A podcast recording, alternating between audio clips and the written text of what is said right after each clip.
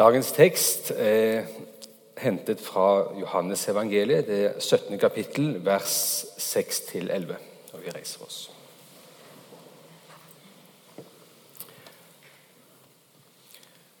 Jeg har åpenbart ditt navn for de mennesker du ga meg fra verden.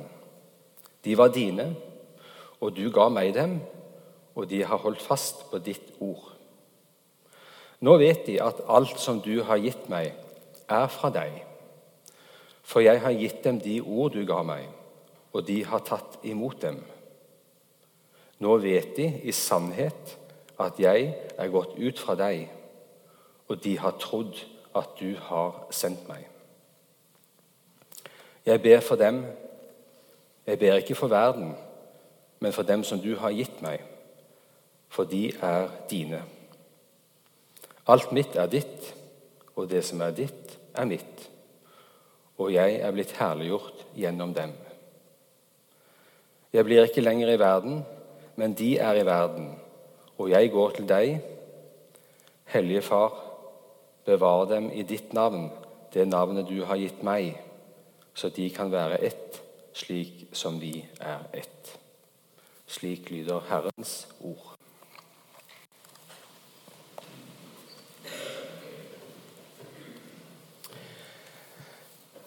Prekenteksten, eller ordene vi nettopp leste, de er et utdrag av den siste bønnen som Jesus ber sammen med sine disipler.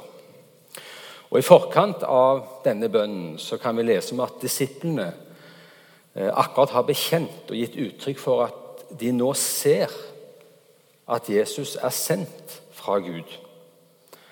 Akkurat som et skjell går fra deres øyne, hvor de plutselig ser enda mer av hvem Jesus er. Og I den stund er det da at Jesus løfter blikket mot himmelen og så ber til sin far. Og Denne bønnen den er på en måte nesten som en avskjedsbønn, der Jesus runder av den tjenesten han nå har lagt på seg. For han sier nemlig i vers 4, i forkant av det vi nettopp leste, så sier han til, i denne bønnen at han nå har fullført den gjerning som hans far ga han å gjøre. Og Nå står han på terskelen til å gå inn i siste del av oppdraget han har fått av sin far, å lide og dø for vår skyld. Når vi leser denne bønnen, så er det nærmest som at vi ser rett inn i himmelen og hører Faderen og Sønnen tale sammen. Og Vi er vitne til den fortroligheten, den åpenheten, den kjærligheten som er mellom Faderen og Sønnen. Og Ikke minst så får vi jo dypest sett se hva som ligger Jesus Det er jo slik at når man holder um, Er det batteriet som er Skal vi se Nei. Um,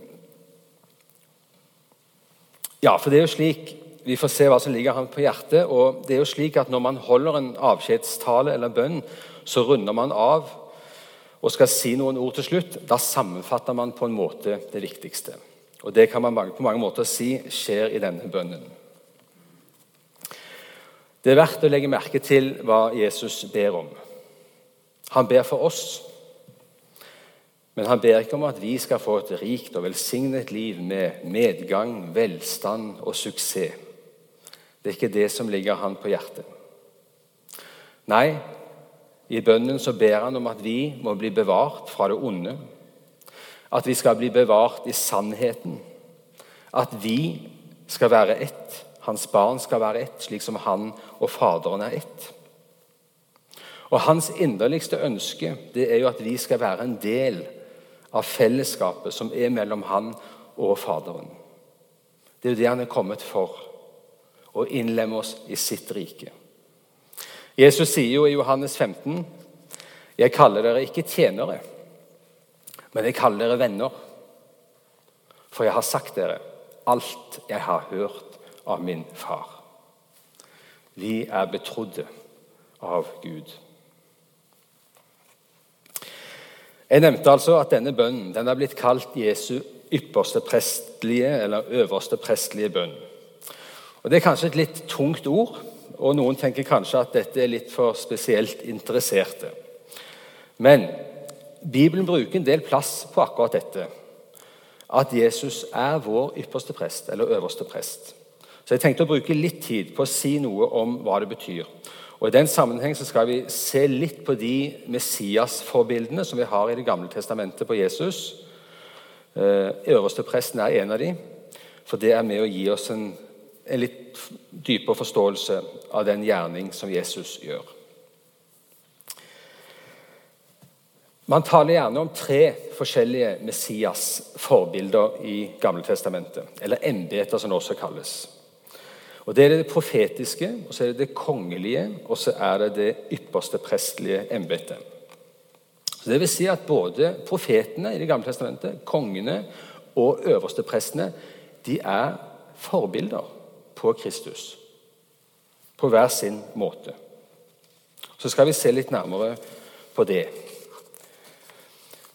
I 5. Mosebok 18 der kan vi høre at Moses får et løfte fra Gud om at i fremtiden så skal det stå fram en profet slik som han. Han skal de høre på, og han skal forkynne alt det som jeg legger på han, sier Herren. Det skal komme en profet. Hva var det som kjennetegnet profetene i Det gamle testamentet? Jo, de talte ord fra Herren. Og mange av disse profetene gjorde også mektige tegn og under. Vi husker f.eks. Elia. Han vekket til og med opp døde eh, i Sarepta. Så de er jo med sin gjerning forbilder på Jesus. De er skygger av han som skulle komme. Men hva er det som skiller profeten i Det gamle testamentet fra Jesus? Det er særlig to ting. For det første så er Jesus øyenvitne. Han vitner om det han har sett, sier han til Nikodemus. Han er menneskesønnen som har steget ned fra himmelen. Han deler den himmelske virkelighet, himmelske verden, for de som han selv er kommet fra. Og For det andre så taler han jo også med en helt annen autoritet enn profetene. Profetene sa 'Så sier Herren'. Hva sier Jesus? Han sier 'Dere har hørt det sagt, men jeg sier dere'. Han taler med samme autoritet som Herren selv. Og Dette er det disiplene nå ser. Vi hørte Jesus si i bønnen at nå vet de i sannhet at jeg har gått ut fra deg. De skjønner hvor han kommer fra. I Johannes 6 kan vi lese en samtale mellom Jesus og jødene. For Jødene de murrer over at Jesus sier at han har kommet ned fra himmelen. Og Så sier de at er ikke dette Jesus, Josef sin sønn? Vi kjenner jo både faren og moren. De ser det ikke, men disiplene har nå sett det. Jesus står fram som en profet, men han er så mye mer enn en profet. Han er kommet direkte fra himmelen. Og Jeg tror det er riktig å se ordene i Johannes 17, 17,4 når han sier at jeg herliggjorde deg på jorden da jeg fullførte den gjerningen du ga meg å gjøre. Jeg tror det er riktig å se at det er hans profetiske gjerning, hans forkynnelse med tegn og under, som nå er fullført. Det andre forbildet, som kanskje er litt mer kjent for oss, det er jo kongen.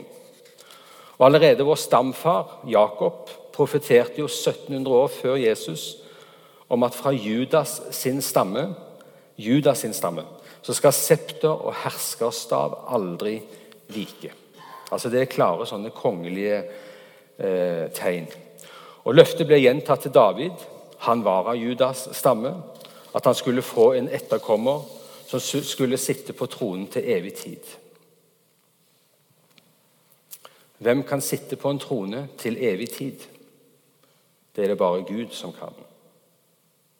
Salme 110 vitner om hvordan Gud taler til Jesus, til sin sønn, og ber han sette seg ved sin høyre side til han har lagt alle sine fiender som skammel for hans føtter. Der sitter Jesus i dag Han er konge, og han regjerer. Så kommer vi til det siste som vi skal snakke litt mer om i dag, nemlig Jesus som vår øverste prest. Og Det er kanskje et forbilde vi ikke tenker så mye på. Men det at Jesus er vår øverste prest, det legger Skriften fram for oss som en stor trøst. Og Det skal vi se litt på hvorfor. I det gamle Israel så var øverstepresten en mellommann for folket overfor Gud.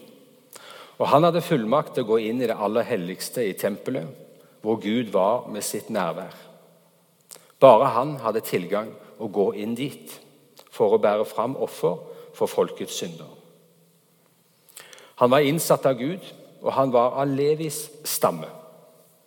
Og Denne presten han skulle hjelpe folket, han skulle be for dem, han skulle trøste dem og veilede dem. Og Slik så er han et forbilde på Jesus. Men den prestegjerning Jesus har, den er så mye større. For prestene i Det gamle testamentet de måtte hvert år gjenta offeret, og så døde de selv. Og så måtte de erstattes av nye hele tiden. Og Derfor så sier David i Salme 110 at når Messias kommer, så skal det komme en ny prest. En annen type prest. Og så står det han skal være som Melkisedek. Han skal være prest til evig tid, sier David. Når Messias kommer, skal han være prest til evig tid, som Melkisedek. Hvem er denne Melkisedek?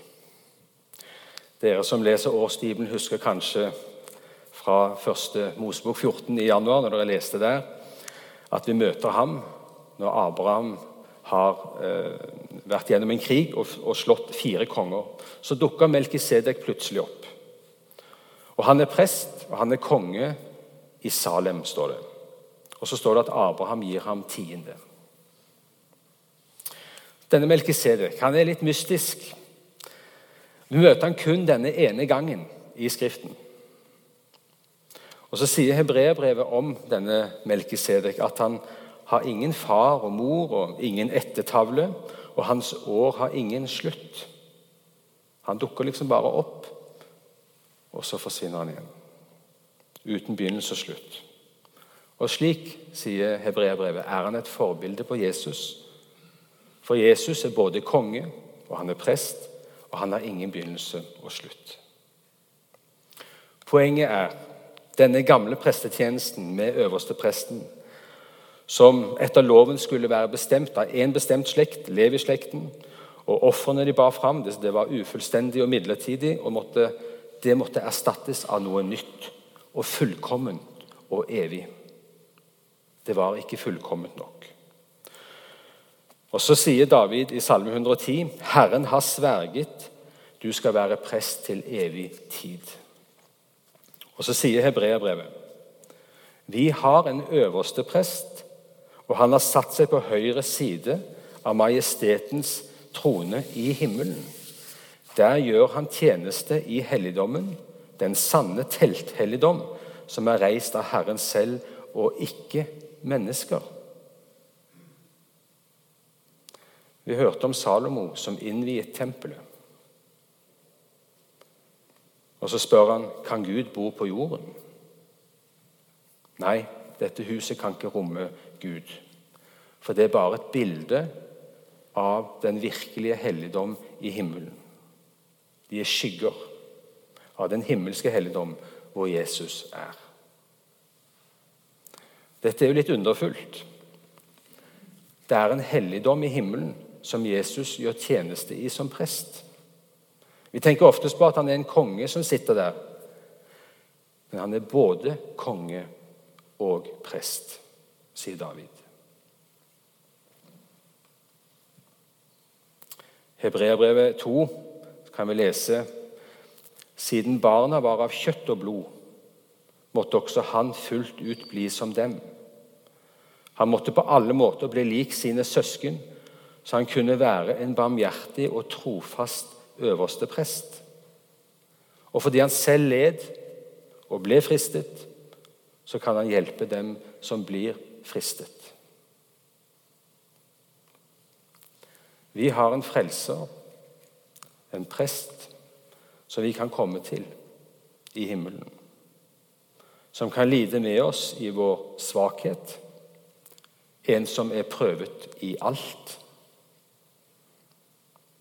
Vi kan frimodig komme fram for Herrens trone. For ved Faderens side sitter Han som er vår bror av kjøtt og blod. Prest, og som ofret seg og ga sitt liv for vår skyld. Han gjør tjeneste der. Han går i forbønn for oss der, for deg og meg. Han er det som gir oss hjelp i rett tid når vi søker ham. Jesus gjør tjeneste for enhver av oss i denne stund. Og bønnen vi leser i dag, gir et lys over den bønn som Jesus ber som prest i himmelen. Opplever du at det er tungt å be? Tenk på Han, så kan du hvile i at Han ber for deg hele tiden. Når dagene er tunge og vanskelig, løft blikket mot himmelen. Tenk på ham. Øs ut hjertet for han, for han vet akkurat åssen du og jeg har det. For det står at han ble prøvet i alt. Det står alt. Når vi faller og synder, så kan vi tenke på Han. Han sitter ved sin far med naglemerkene i hendene som bevis på at du og jeg er tilgitt og renset for all vår synd. Våre navn er gravert inn i hans hender. Dette er noe av det perspektivet vi skal ha med oss når vi leser Jesu bønn i dag. Han ber som vår prest, som vår øverste prest, like før han selv skal ofres.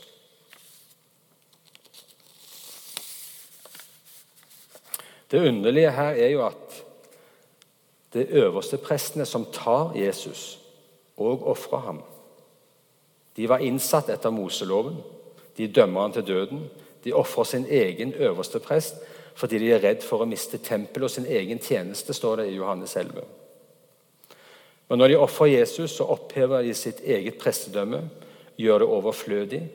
For idet Jesus står opp, så er det han som er innsatt som prest på Melkisedeks vis. Det ble en litt lang sving. Nå skal vi se litt videre på de ordene som vi leste i dag. Det første vi hørte Jesus si til sin far, det var at disiplene nå vet og tror at Jesus er sendt av Gud. De ser hvem han er. 'Jeg har åpenbart ditt navn', sa Jesus. Og I det ligger det jo at de nå kjenner Jesus, eller de kjenner Gud fordi de kjenner Jesus. Den som har sett meg, har sett Faderen, sier Jesus. Og Når det står at han har åpenbart hans navn, så betyr det at de kjenner han personlig. For i navnet er hans person åpenbart hvem han er med hele sin fylde. Og hvordan er det hans navn blir åpenbart for dem? Jo, sier Jesus, de har tatt imot ordene jeg ga dem. Og derfor vet de nå hvem han er. Gjennom ordet er det vi ser Gud. Og Legg merke til hvor sterkt Jesus uttrykker seg. Han sier de vet at Jesus er sendt av Gud. Ikke bare tro, de vet. Hvordan er det mulig? Det er en historie fra Gammeltestamentet som er ganske lærerik for oss om dette. som sier noe om dette. Fordi Samuel, profeten Samuel han var en viktig profet som sto fram i Israel. Og Det står at Herren var med han, og hele Israel forsto at Samuel var betrodd å være profet. Så kan vi lese noen tankevekkende ord i 1. Samuel 3, 21. Det står Herren fortsatte å vise seg i Kilo. Der åpenbarte Herren seg for Samuel gjennom sitt ord. Herren viste seg, åpenbarte seg. Hvordan? Gjennom sitt ord. Det er gjennom ordet at Gud lar oss se ham. Når vi tar imot ordet som det det er, Guds ord, da åpner det våre øyne. Det åpner våre ører, det åpner vår forstand, og det åpner våre hjerter. Da Jesus møtte Emmaus-vandrerne på oppstandelsesdagen, så lot han dem ikke se ham fysisk. Han lot dem ikke gjennom, De skjønte ikke hvem de så. Men han utla Skriftene for dem. Og Da står det at når han utla Skriftene, da brant hjertene deres. Når Skriften åpner seg for oss, når Ordet kommer til oss, så ser vi Gud. Da brenner våre hjerter når Hans ord blir synlig for oss og får åpenbart hvem han er. Og Så ber Jesus da på en måte som kan virke litt underlig. Jeg ber for dem og ikke for verden. Har ikke Jesus omsorg for verden? Jo, Jesus har omsorg for verden. Salmene sier at jorden er full av hans herlighet. Og Jesus sier jo selv at han lar regnet både gå opp over de onde og de gode, og de eh, rettferdige og de urettferdige. Men i denne stund så ber Jesus som øverste press for oss, for dem som har adgang inn i himmelen. Han ber for oss, for vi er gitt i gave fra hans far. Vi er en gave til Jesus fra far. Det er en oppfyllelse av løftet som Gud ga i Salme 2, hvor han sier til sin sønn, 'Be meg, så gir jeg deg folkene til arv', sier han. Gud har gitt alt til sin sønn. Alt mitt er ditt, alt ditt er mitt, sier Jesus. Og det sier litt om hvem Gud er. Unnskyld, det sier litt om hvem vi er for Gud. Vi er en gave til Hans sønn. Til slutt noen ord om den siste bønnen vi leste, hvor Jesus ber om at vi må bli bevart i hans navn. Jesus vet hvilke farer som lurer. Han sier selv ånden er villig, men kjøttet vårt er svakt. Jesus advarer gang på gang våk og be. Vår kamp står ikke mot mennesker, men mot ondskapens ånde her i himmelen, sier Paulus i Efesene 6. Å falle ned i selvsikkerhet, at dette har vi kontroll på, jeg er trygg, leder raskt over i håmod og mangel på Guds frykt. Det gir Skriften oss mange eksempler på. Vi leste fra Salomos ydmyke bønn. Han ba ved vigslingen av tempelet. Og Vi kjenner jo Salomo sin visdom. Likevel falt han fra på sine eldre dager. Han glemte hva Herren hadde sagt. Og Når man glemmer hva Herren har sagt, så forsvinner gudsfrykten. Og da forsvinner visdommen. Han glemte sine egne visdomsord, som han sier i ordspråkene 1. Å frykte Herren er begynnelsen til kunnskap og visdom. Og Så ber han, om at vi ikke, ber han ikke om at vi skal bli bevart i troen, men blir bevart i hans navn. Og Det betyr at skal, han ber om at vi må bli bevart og kjenne han som den han er, og hva han har gjort for oss. Du kjenner han som din frelser og forsoner.